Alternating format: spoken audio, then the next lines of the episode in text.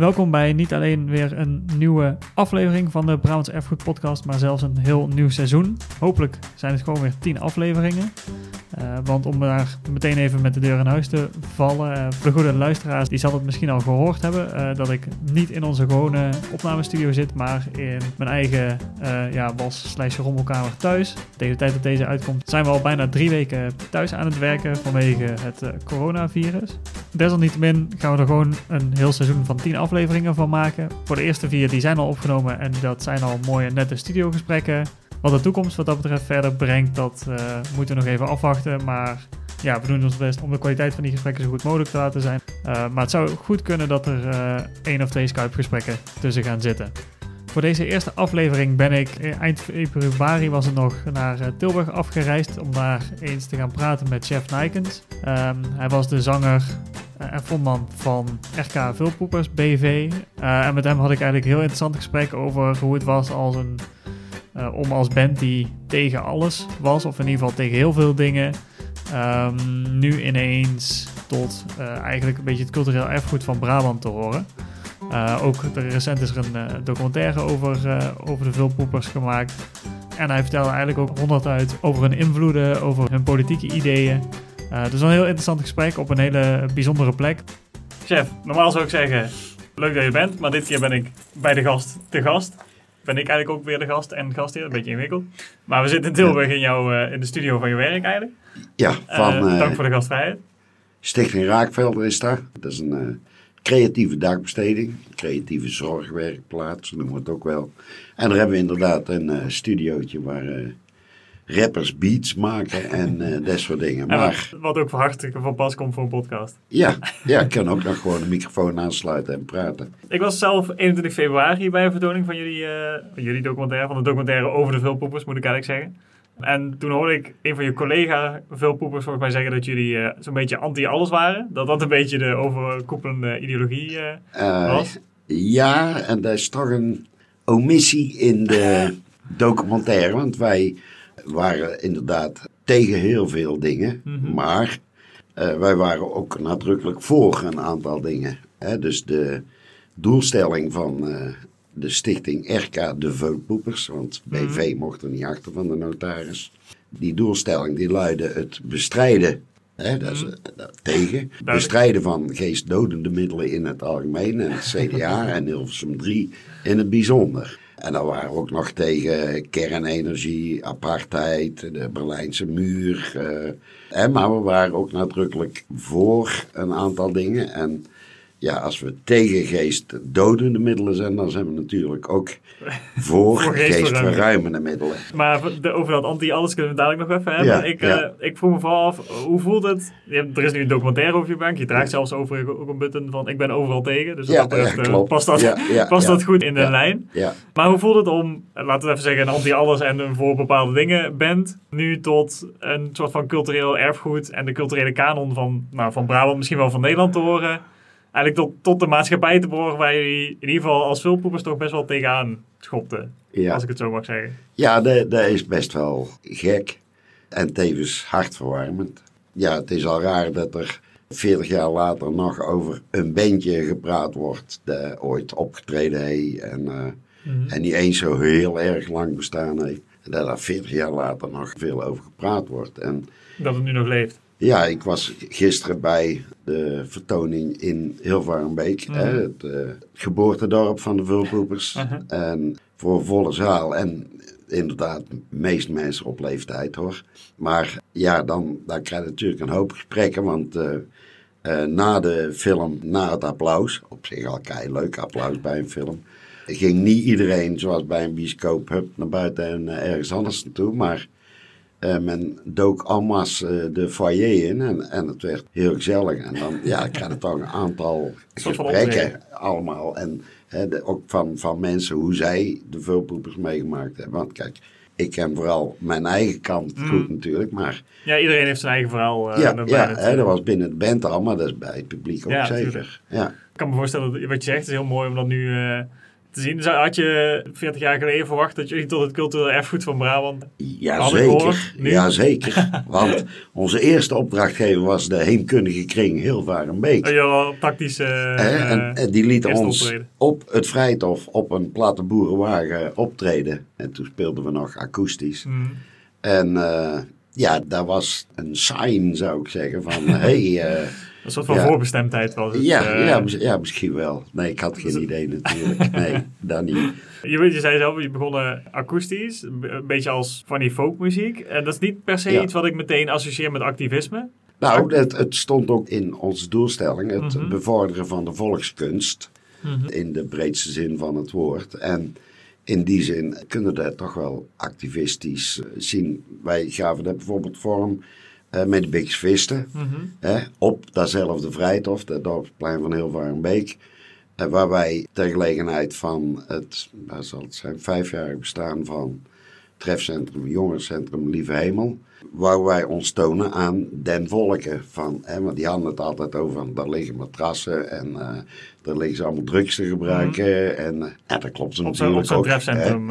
dat was, hè, dat gebeurde ook wel. Er werden zeker uh, joints gerokt. En, en er waren ook wel eens mensen die een uh, pilletje speed namen. De, ja, dat is bij een jongerencentrum.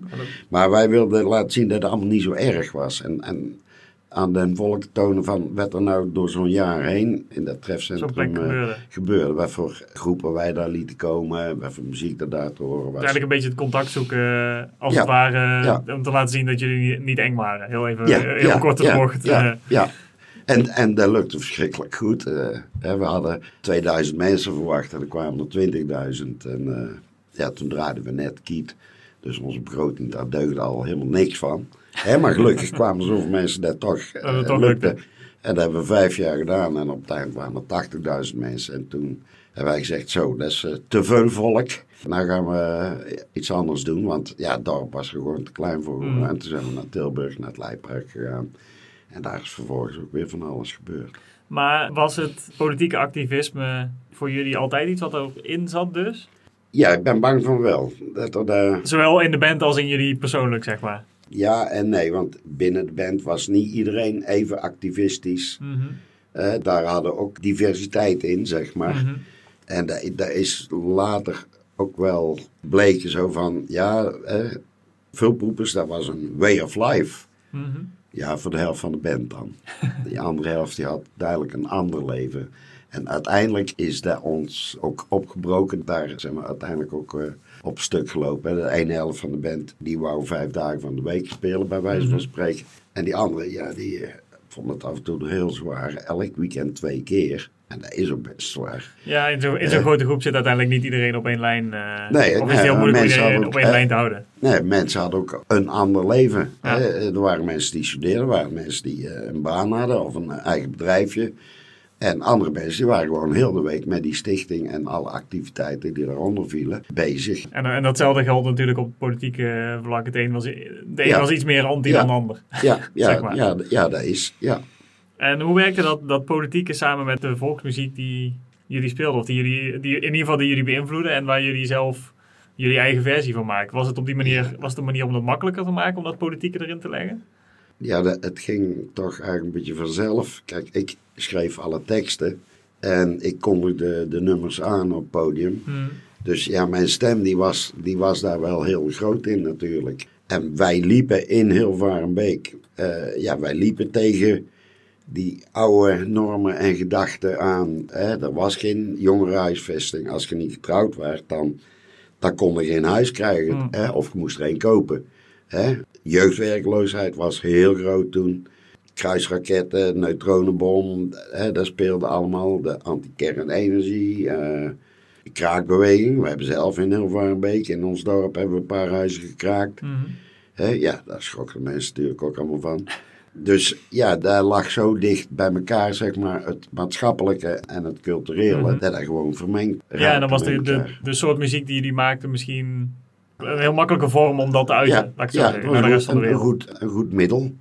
De muziek was een middel om, ja, om mensen aan het dansen te krijgen, maar ook om ze aan het, uh, denken, te, denken zetten. te zetten. Ik denk dat we, hè, want we begonnen echt inderdaad vanuit zeg maar volksmuziek. Hè? Een man met een gitaar en iemand die een liedje zingt. Alleen bij ons is het denk ik altijd een combinatie geweest van de Bart, de zingende troubadour Mhm. die rondtrok hè, of aan het hof zijn dingen deed. En de nar die in zijn rol eh, de koning of de De, hertog de draakstak met de macht, zeg maar. Ja. Hè, die daar iets tegen in kon brengen. En wel ook gepikt werd van, Mhm.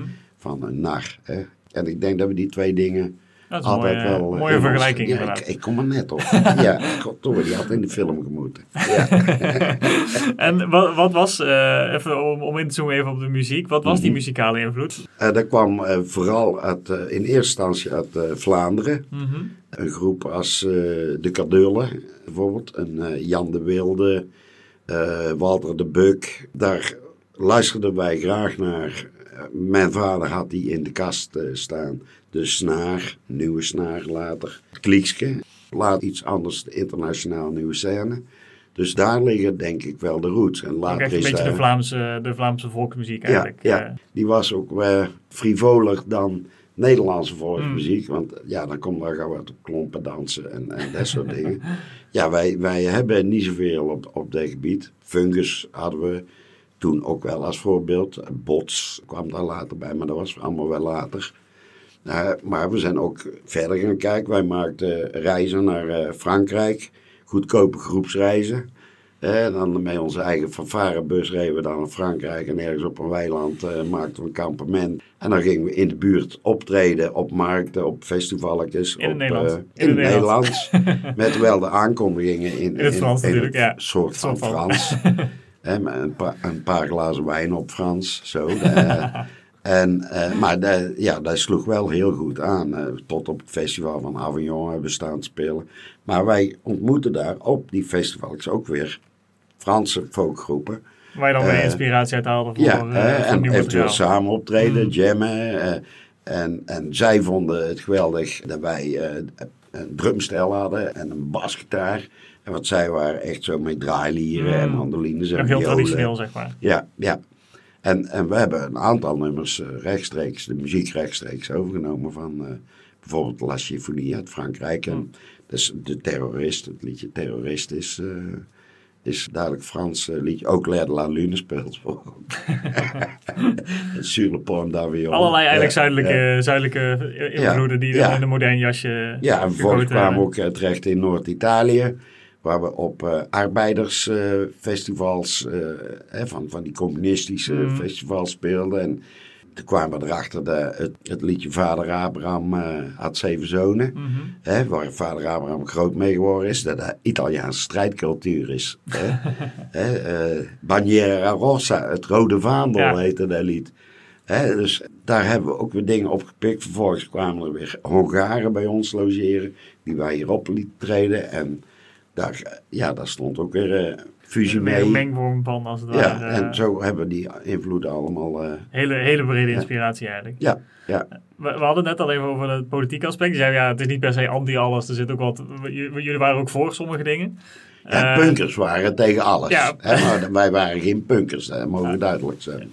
En je noemde al eh, het CDA en Hilversum 3 volgens mij noemde Ja. je ook. Ja. Ik was ter voorbereiding wat, eh, wat oude recensies aan het opzoeken en door gaan lezen uit de, Mhm. jaren, de jaren 70, 80. Ja. En één recensent schreef dat jullie wilden meehelpen de maatschappij te veranderen. En ik vroeg me heel erg af of dat een accurate weergave was van wat jullie, Ja, ja. Wat jullie betoogden. Ja, ja want er stond in de doelstelling dat wij een eh, socialistische eh, maatschappij eh, mede mogelijk wilden maken. Mhm.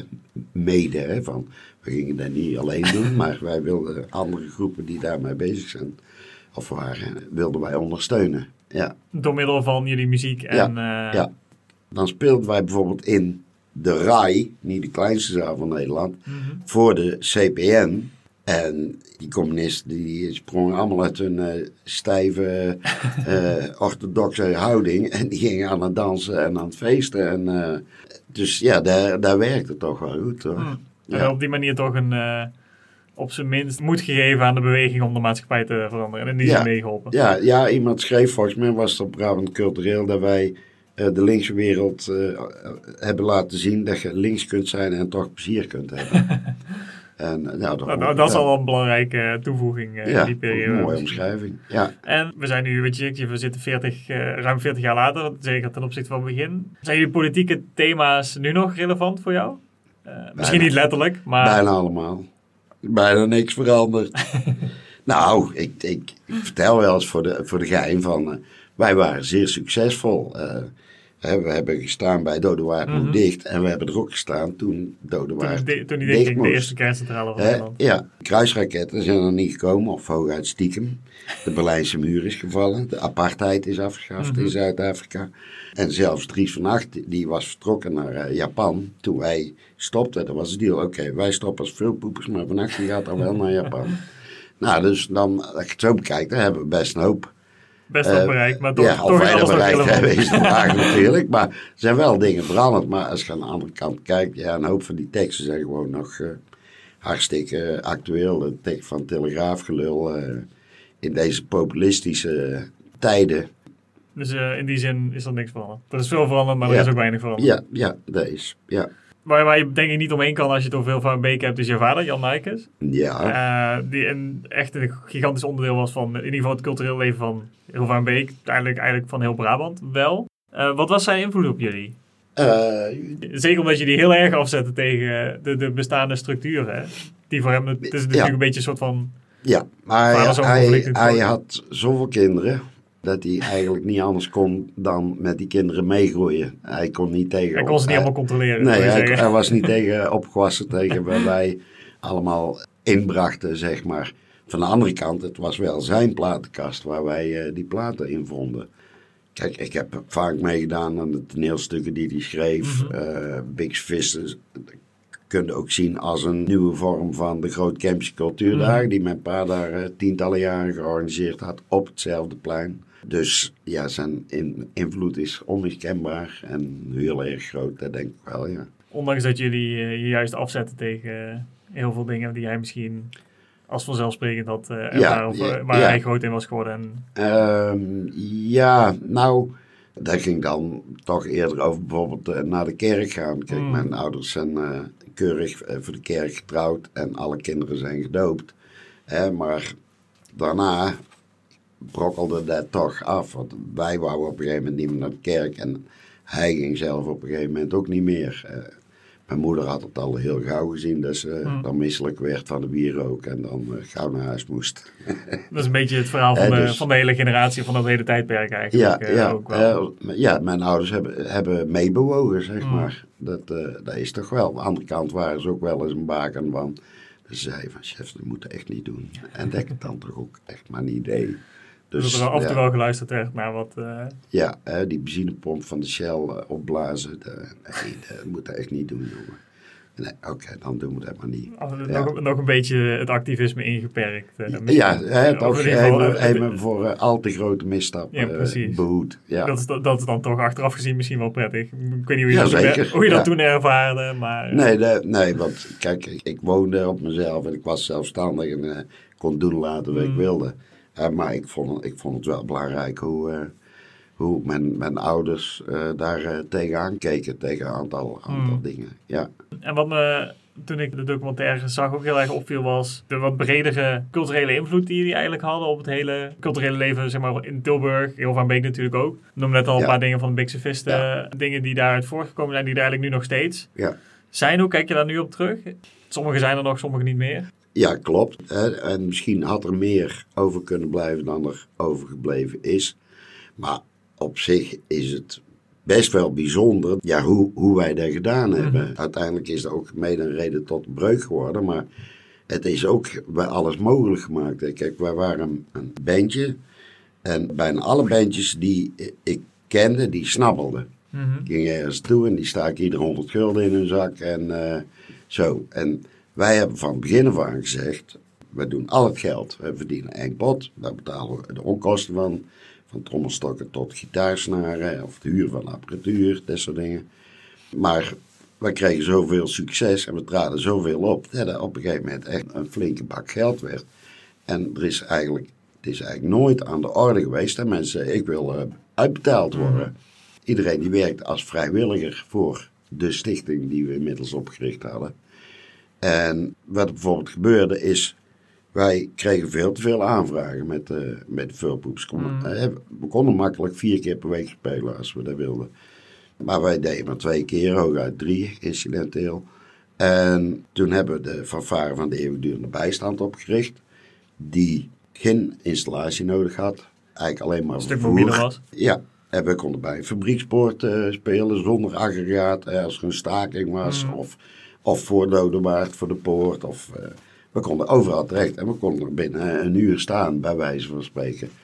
En er werd een hele grote vaar. Er waren eh, 35, 40 mensen op een gegeven moment. Mhm. Nou, opgeteld bij die vulpoep zaten we al bijna aan de 50. Ja, dan kunnen we wel een eigen café oprichten.